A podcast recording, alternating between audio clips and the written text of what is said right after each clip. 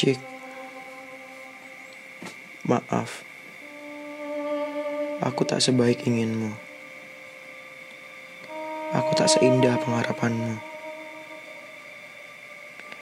Rasamu hancur karena sikapku. Citamu lebur, itu pun karena ulahku. Dan aku sadar, sekalipun kau beri maafmu, aku tak akan pernah sanggup untuk memaafkan diriku. Itulah pesan suara yang aku kirim ke Cika. Entah kapan ia akan membukanya, aku berharap dia mau untuk mendengarkannya. Setidaknya ia tahu bahwa aku sangat menyesal menyia-nyiakan rasa sayangnya. Aku Fiatma. Kisahku dengan Cika bermula saat aku masih duduk di bangku SMA. Bukannya sombong, tapi Cika hanyalah satu di antara banyak wanita yang menyukaiku saat itu. Bahkan aku sudah berkali-kali menolak setiap wanita yang ingin menjadi pacarku. Karena aku memang tak punya niatan untuk menjalin sebuah hubungan asmara. Tapi entah mengapa, jika begitu berbeda dengan yang lain. Dari yang mulanya biasa saja, lama-kelamaan aku mulai menyimpan rasa padanya. Mungkin karena perhatiannya kepadaku, perhatian tulus yang selama ini tak pernah kudapatkan dari wanita lain.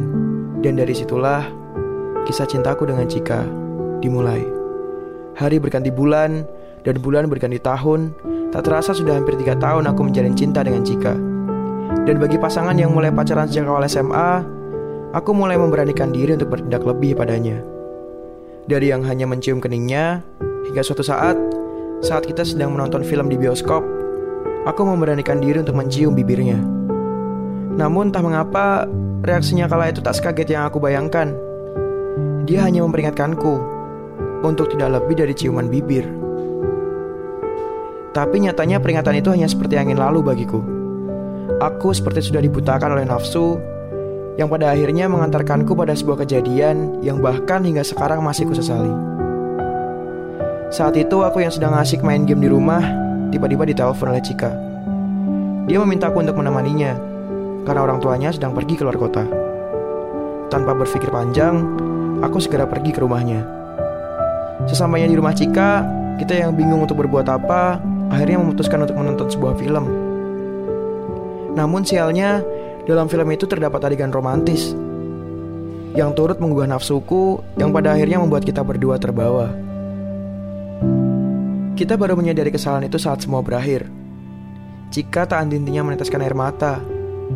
Aku mencoba untuk menenangkannya, tapi dia justru memintaku pulang dan meninggalkannya sendirian. Bahkan dia meminta aku untuk tidak menemuinya dulu beberapa waktu ke depan. Aku hanya bisa pasrah dengan ucapannya dan pergi meninggalkannya. Berhari-hari setelahnya, aku terus saja memikirkan Cika. Bagaimana keadaannya? Apa yang sedang ia lakukan? Pertanyaan-pertanyaan itu selalu saja kutanyakan dalam pesan chatku padanya. Dan jawabannya selalu sama. Aku tidak apa-apa. Namun saat kutanya bolehkah aku menemuimu, dia selalu saja menolakku. Dengan alasan masih ingin menenangkan diri. Dan di saat keadaanku yang kacau seperti ini, tiba-tiba saja muncul seorang wanita yang ingin menghiburku. Sinta namanya. Dia yang dulu hampir saja menjadi kekasihku sebelum aku bertemu dengan Cika.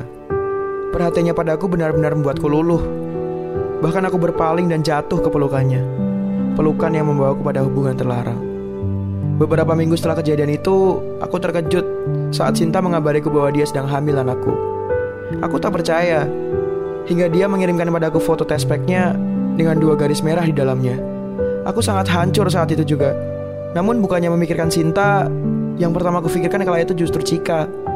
Aku takut dia akan semakin terpukul mendengar berita ini. Setelah berhari-hari kufikirkan, akhirnya aku beranikan diri untuk datang ke rumah Cika. Sesamanya di sana, Cika seperti khawatir denganku. Mungkin karena keadaanku yang terlihat lusuh, ditambah aku yang tak bisa menahan air mata untuk melihatnya. Di situ aku yang sangat sedih, ku coba untuk menguatkan diri. Ku katakan pada Cika, Cika, aku telah sangat jahat padamu. Tolong jangan kau maafkan aku. Cika hanya terus saja bertanya ada apa denganku. Hingga jawabanku setelahnya membuat Cika terlihat shock dan seperti tak percaya. Aku telah menghamili wanita lain, Cik. Dan aku harus bertanggung jawab untuk itu. Aku pamit ya, Cika.